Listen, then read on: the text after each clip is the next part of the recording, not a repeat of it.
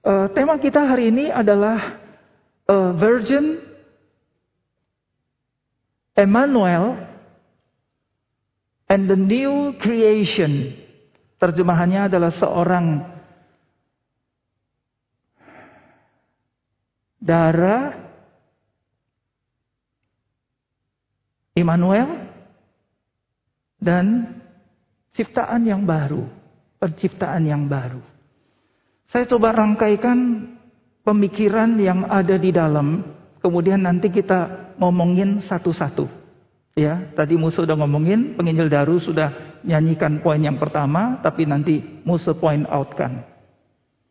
Kalimatnya seperti ini, saudara sekalian. Seorang perempuan, seorang darah, kemudian uh, Immanuel, dan kemudian ciptaan yang baru. Ciptaan yang baru. Bunyinya seperti ini saya tulis. Yesus Kristus dengan kuasa Roh Kudus terlahir melalui rahim seorang darah menjadi Immanuel, manusia Allah. Dua sifat, satu pribadi. Tinggal bersama umat, mencipta ulang insan baru segambar dan serupa dengan Yesus dirinya sendiri. Musuh ulangin. Yesus Kristus dengan kuasa roh kudus terlahir melalui rahim seorang darah Maria menjadi Immanuel manusia Allah. Dua sifat satu pribadi tinggal bersama umat mencipta ulang insan baru. Segambar dan serupa dengan Yesus dirinya sendiri. Teks firman yang akan kita baca ada di Lukas pasal 1, 26 sampai 38, 45 sampai 47. Saudara, mari kita buka Alkitabnya. Ada dua bagian, tapi bagian yang kedua Musa tidak baca berhubung waktu. Kita baca yang pertama saja. Yang pertama di Lukas pasal 1 ayat yang ke eh, 26 sampai 38, kemudian 45 sampai 47. Yang kedua Matius pasal 1 ayat 18 sampai 25. Itu dibaca di rumah, Saudara sekalian. Kalau sudah ketemu Lukas pasal 1 26 sampai 38. Sama-sama dengan Musa kita bacakan. Dalam bulan yang keenam, Allah menyuruh malaikat Gabriel pergi ke sebuah kota di Galilea bernama Nazaret.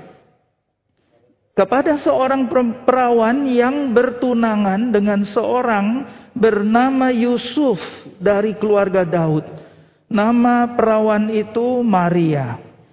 Ketika malaikat itu masuk ke rumah Maria, ia berkata, "Salam, Hai engkau yang dikarunia Tuhan menyertai engkau. Maria terkejut mendengar perkataan itu, lalu bertanya di dalam hatinya, apakah arti salam itu? Kata malaikat itu kepadanya, jangan takut hai Maria, sebab engkau beroleh kasih karunia di hadapan Allah. 31.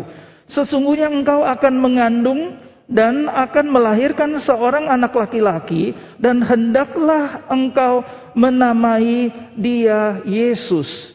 Ia akan menjadi besar dan akan disebut anak Allah yang maha tinggi. Dan Tuhan Allah akan mengaruniakan kepadanya tahta Daud, bapak leluhurnya. Dan ia akan menjadi raja atas kaum keturunan Yakub sampai selama-lamanya dan kerajaannya tidak akan berkesudahan. Kata Maria kepada malaikat itu, bagaimana hal itu mungkin terjadi karena aku belum bersuami? Jawab malaikat itu kepadanya, Roh Kudus akan turun atasmu dan kuasa Allah yang maha tinggi akan menaungi engkau.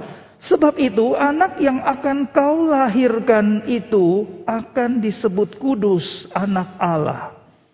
Dan sesungguhnya Elizabeth sanakmu itu ia pun sedang mengandung seorang anak laki-laki pada hari tuanya Dan inilah bulan yang keenam bagi dia yang disebut mandul itu. Sebab bagi Allah tidak ada yang mustahil. Kata Maria, sesungguhnya aku ini adalah hamba Tuhan.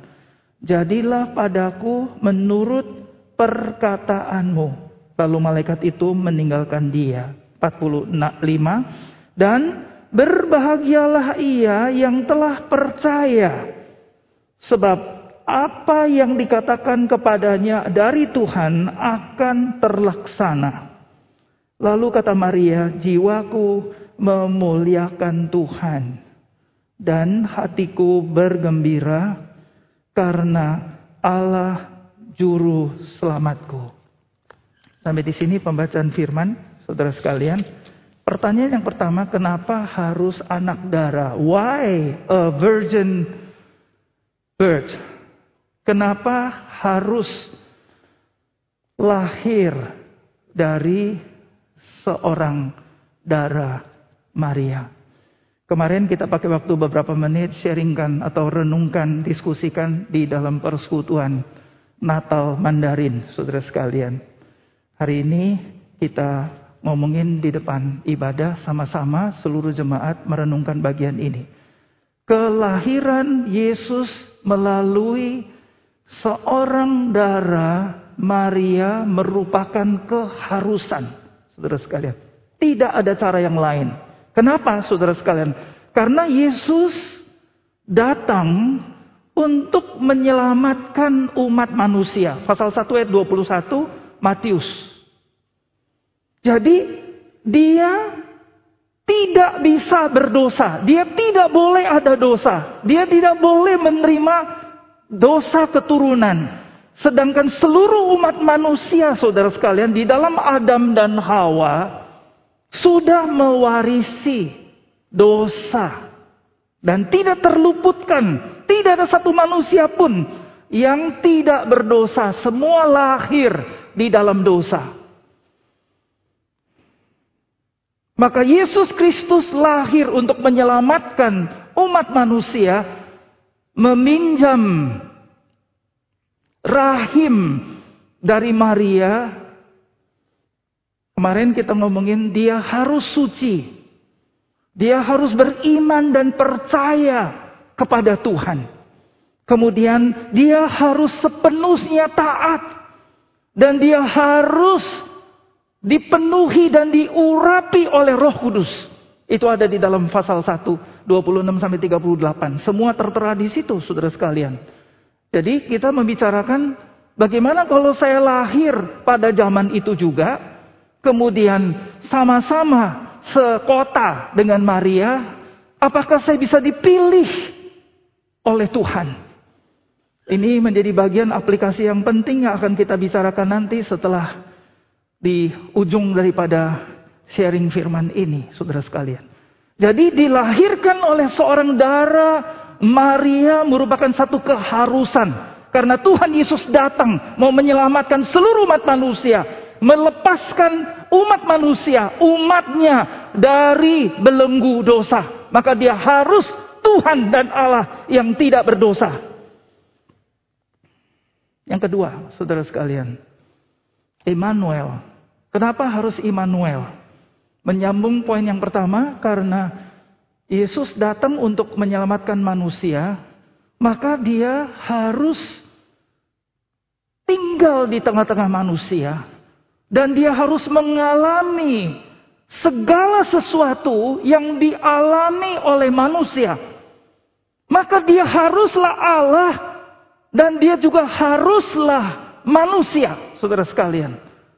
Di satu sisi dia Allah yang suci datang untuk menyelamatkan manusia. Di sisi lain dia adalah manusia yang sempurna yang mengalami persis apa itu dosa, mengalami persis apa itu pencobaan, mengalami persis apa itu gejolak kehidupan yang besar, yang dalam, yang susah, yang berat, semua dihadapi dan ditanggungnya. Tetapi dia tidak berdosa. Ayat 31 saudara sekalian.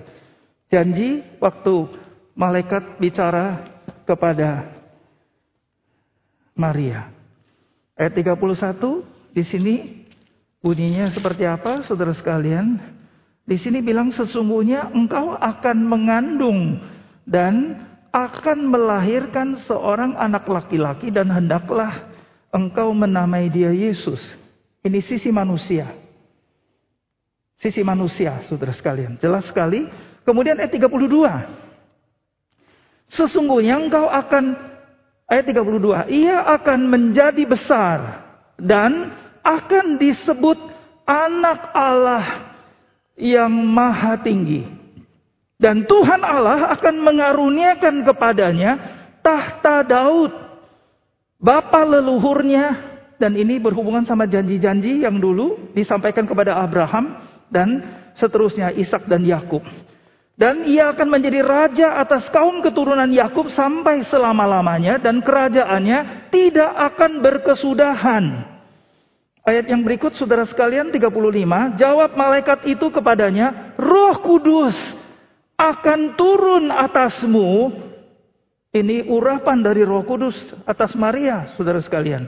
Dan kuasa Allah yang maha tinggi akan menaungi engkau sebab Iya, sebab itu anak yang akan kau lahirkan itu akan disebut kudus anak Allah. Jadi Yesus adalah manusia, namanya Yesus. Tapi dia adalah anak Allah. Yang kemudian namanya Kristus dan Immanuel, saudara sekalian. Jadi pada waktu yang sama semua sudah dibukakan kepada Maria. Ini nanti anak yang akan lahir dia adalah manusia dan dia adalah Allah. Kenapa dia manusia dan dia adalah Allah? Karena dia akan hidup di tengah-tengah manusia mengalami semua yang dialamin. Jadi saudara sekalian di Natal seperti hari ini kita renungkan dan kita sedang persiapkan untuk diperingati, dirayakan. Kita bisa berimajinasi membayangkan Waktu Yesus lahir, dia membawa tugas yang seperti ini. Kebetulan bulan-bulan ini saya lagi baca Ibrani, saudara sekalian. Dari hari Rabu dua Rabu yang lalu ngomongin soal Ibrani pasal 13 dan setiap hari saya lagi baca Ibrani, saudara sekalian. Di situ dikatakan apa, saudara sekalian? Dia cinta, dia sendiri secara pribadi mengambil tubuh manusia, saudara sekalian, supaya dia bisa hidup di dalamnya dan mengalami kehidupan manusia. Dan dia diangkat menjadi imam besar yang menjadikan dirinya sebagai korban untuk dipersembahkan. Darah yang dialirkan. Supaya dosa umat manusia diampuni. Dan dia sendiri karena pencobaan-pencobaan yang besar sehingga dia menderita, maka dia siap. Dan dia bisa mengerti, dia bisa menyelamatkan umat manusia yang dicobai, yang jatuh ke dalam dosa, tetapi dia sendiri tidak berdosa. Ayat yang lain pasal 5 ayat 7, di sana dikatakan dia menangis, menggerung-gerung. Kenapa saudara sekalian? Dia menghadapi pencobaan, menghadapi tantangan, menghadapi maut, menghadapi kuasa kegelapan, menghadapi setan. Dia berhadapan dengan maut, dia menangis, menggerung-gerung. Mohon supaya yang berkuasa Allah Bapa menyelamatkan dia dari waktu itu. Waktu Musa baca bagian ini, saya sangat terharu saudara sekalian. Kenapa? Karena hanya satu maksud, satu tujuan. Karena dia sangat cinta kepada kita. Dia harus hadapi lewati waktu-waktu yang susah seperti ini. Supaya dia mengalami dan dia bisa mengampuni dosa-dosa kita. Jadi Immanuel menjadi satu keharusan. Immanuel enak dinyanyikan, bagus dinyanyikan saudara sekalian, tapi maknanya dalam. Dia cinta yang saya baca itu dia sendiri secara pribadi mengambil tubuh. Kenapa saudara sekalian? Karena dia sayang kepada kita. Sehingga dia bisa mengalami. Ayat-ayat yang saya catat di sini saudara sekalian tetapi tidak sempat dibaca. Pasal 2 ayat 14 ayat 15, pasal 2 16 17 18, pasal 4 ayat 15, pasal 5 ayat 7, pasal 7 ayat 25. Ibrani. Bahkan saudara sekalian, dia hidup sebagai Tuhan Tungpau sebagai juru syafaat sampai detik ini saudara sekalian, Changyan Huozuo, sampai detik ini dia masih berdoa untuk kamu dan saya. Jadi dia sebagai imam besar tidak berhenti waktu dia di atas bumi, tapi dia sampai sekarang dia masih mendoakan kita. Waktu kita memikirkan hal ini, saudara sekalian, kamu dan saya akan sangat hati-hati sekali di dalam suasana memperingati Yesus lahir. Kita tidak akan sembarangan berbuat dosa. Karena dia sudah mengalami semua dipaku di atas kayu salib, mengeluarkan, mengalirkan darah dan mati. Dan dia sampai hari ini mengerti sekali pencobaan-pencobaan yang seperti apa yang kamu dan saya hadapin. Maka dia doa supaya kita bisa menang. Terluput daripada pencobaan. Yang terakhir, saudara sekalian. Yang terakhir adalah ciptaan baru. Ayat-ayatnya ada banyak saudara sekalian. 2 Korintus 5 ayat 17. Yohanes 3 ayat 3 dan 5 yang tadi Febri sudah bacakan. Kemudian Roma 8 ayat 29. Dan kemudian Yohanes 14. Ini bagian firman yang saya sedang tekunin saudara sekalian. Ayat 12, 13, 14, 15. Jadi ciptaan yang baru saudara sekalian. Ini yang Moses dan teman-teman rekan-rekan hamba Tuhan hari Selasa lalu sedang memperbincangkan, menggumuli. Ciptaan baru itu sampai sejauh mana? Ciptaan baru Tuhan Yesus lahir melalui kuasa Roh Kudus, pasal 3 ayat 3 ayat 5 yang tadi dibacakan. Itu Roh Kudus melahir barukan, merubah kita, menciptakan kembali sehingga kita menjadi brand new creation yang betul-betul total baru saudara sekalian. Kenapa? Karena yang dulu dari Adam dan Hawa sudah rusak total depravity. Sudah habis-habisan, sudah hancur. Maka tidak ada pengharapan sama sekali. Itu sebabnya Yesus harus lahir. Bahkan sampai lahir, Yesus memilih tidak di rumah sakit, tidak di tempat yang mewah. Dia lahirnya di kandang yang bau, yang gelap, yang seperti itu dia lahir untuk menandakan bahwa dia siap masuk ke dalam kehidupan manusia yang seperti ini, saudara sekalian. Dan bagi setiap orang yang beriman dan percaya, kuasa Roh Kudus yang tidak terbatas akan merubah dia secara total, saudara sekalian. Secara total akan diubah dilahir barukan, diciptakan kembali menjadi satu ciptaan yang brand new. Kalau dilihat saudara sekalian pasal 8 ayat 29 Roma, maka brand new-nya seperti apa saudara sekalian? Brand new-nya sama persis seperti dirinya sendiri. Jadi kalau boleh dikatakan Allah Roh Kudus, Yesus Kristus punya cetakan.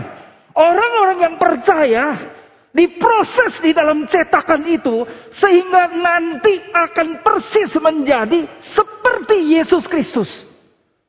Tidak lebih tidak kurang. Pasal 2, pasal 3, 2 Yohanes ayat 2. Di situ dikatakan kita nanti ketemu muka dengan muka dengan Yesus Kristus. Kita akan surprise karena apa?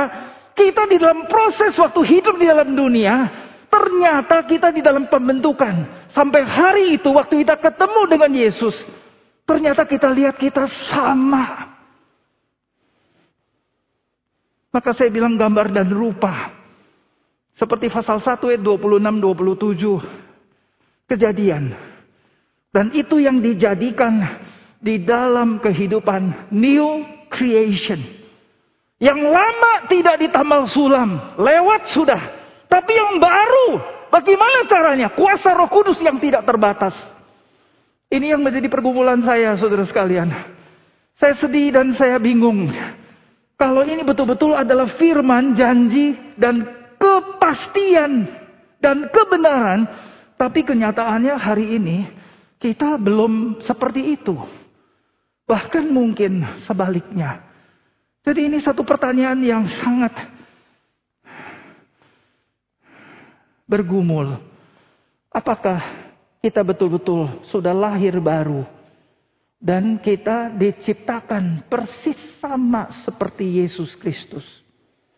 Pasal 14 ayat 12 Tuhan Yesus mengucapkan kata-kata ini dengan sesungguh-sungguhnya aku berkata kepadamu barang siapa yang percaya kepadaku dia akan melakukan pekerjaanku. Kenapa melakukan pekerjaanku saudara sekalian? Karena di dalamnya Yesus Kristus sudah reside permanently Kenapa mengerjakan pekerjaanku? Karena roh kudus yang pernah mengurapi Yesus Kristus waktu dia melayani di atas bumi. Bahkan sampai naik di atas kayu salib. Itu pun sekarang ada di dalam diri kita. Maka kita diciptakan ulang persis seperti Yesus Kristus. Dan sangat mungkin mengerjakan pekerjaan yang Tuhan Yesus lakukan. Karena setiap orang Kristen, anak-anak Tuhan, punya Yesus Kristus dan punya Roh Kudus yang sama persis seperti Yesus Kristus dan Roh Kudus.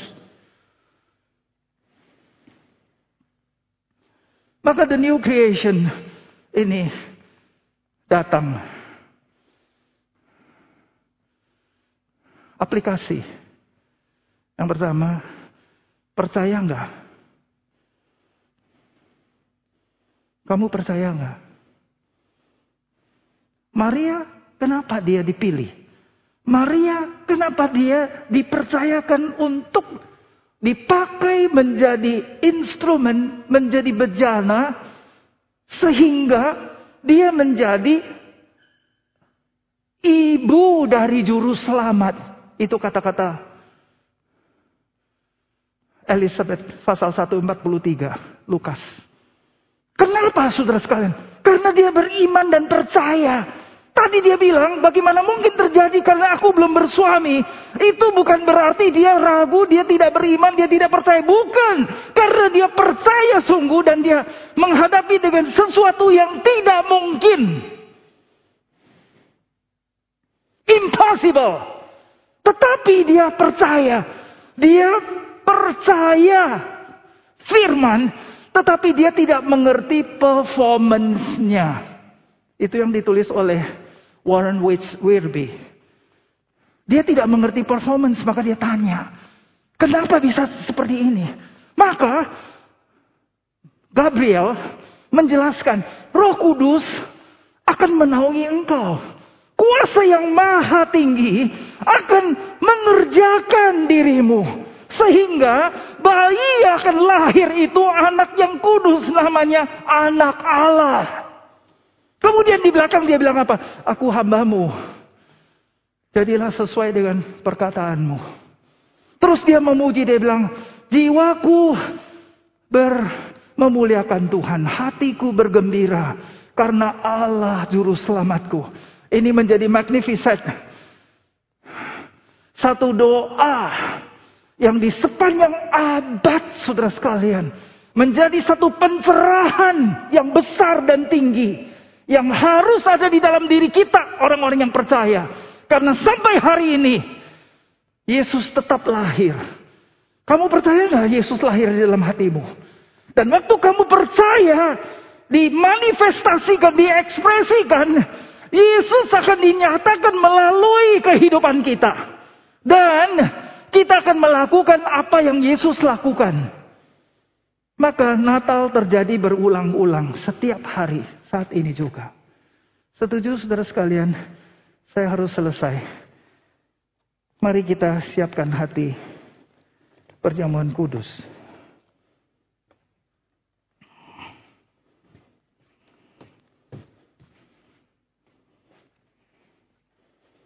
Mari kita siapkan diri kita masing-masing, saudara sekalian.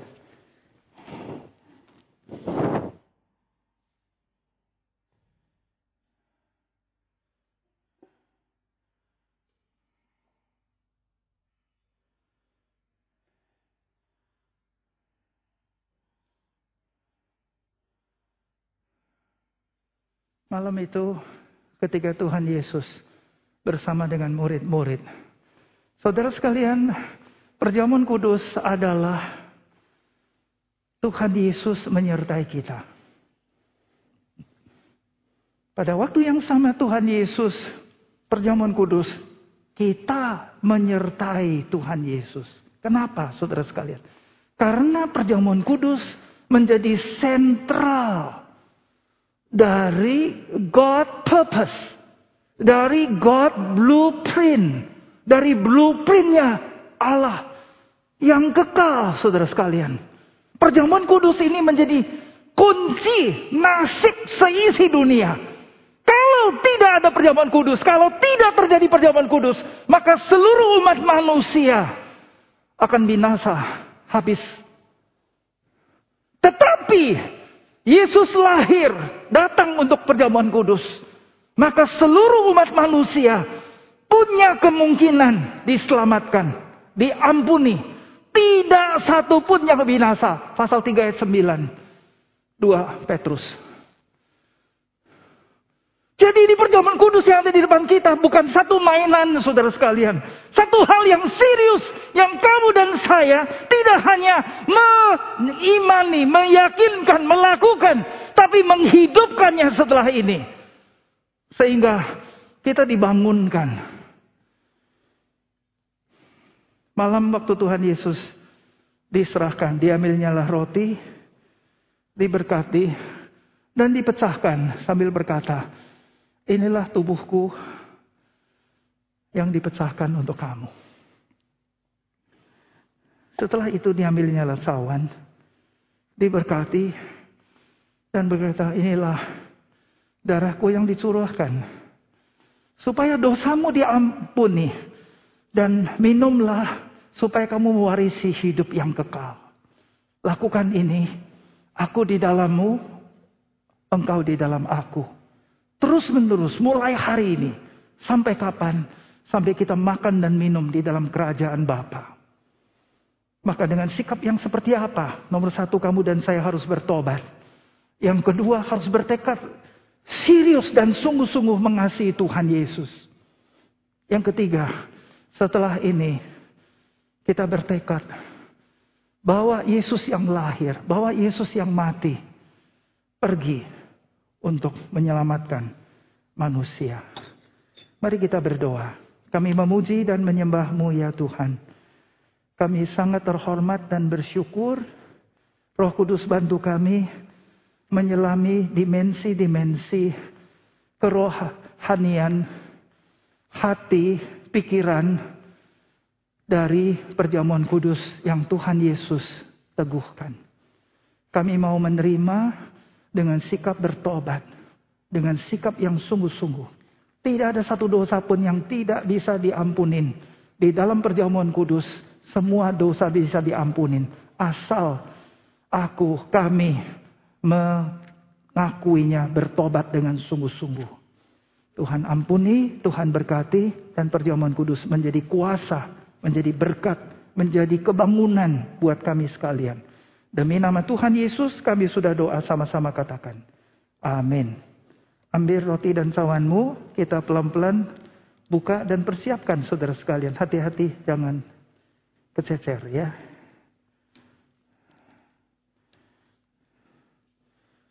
Rotinya dipersiapkan dan cawannya juga dibuka plastiknya. Kalau sudah, perlu tunggu saudara sekalian. Dengan hormat musuh undang seluruh jemaat bangkit berdiri. Dengan penuh pengucapan syukur, Mari kita makan roti memperingati Tuhan Yesus. Mari kita makan bersama.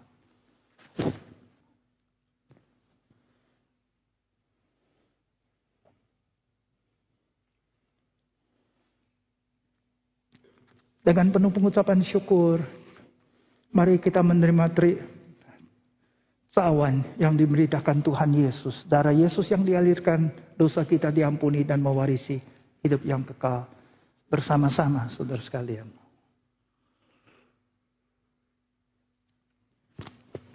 Kami memuji dan menyembahmu ya Tuhan.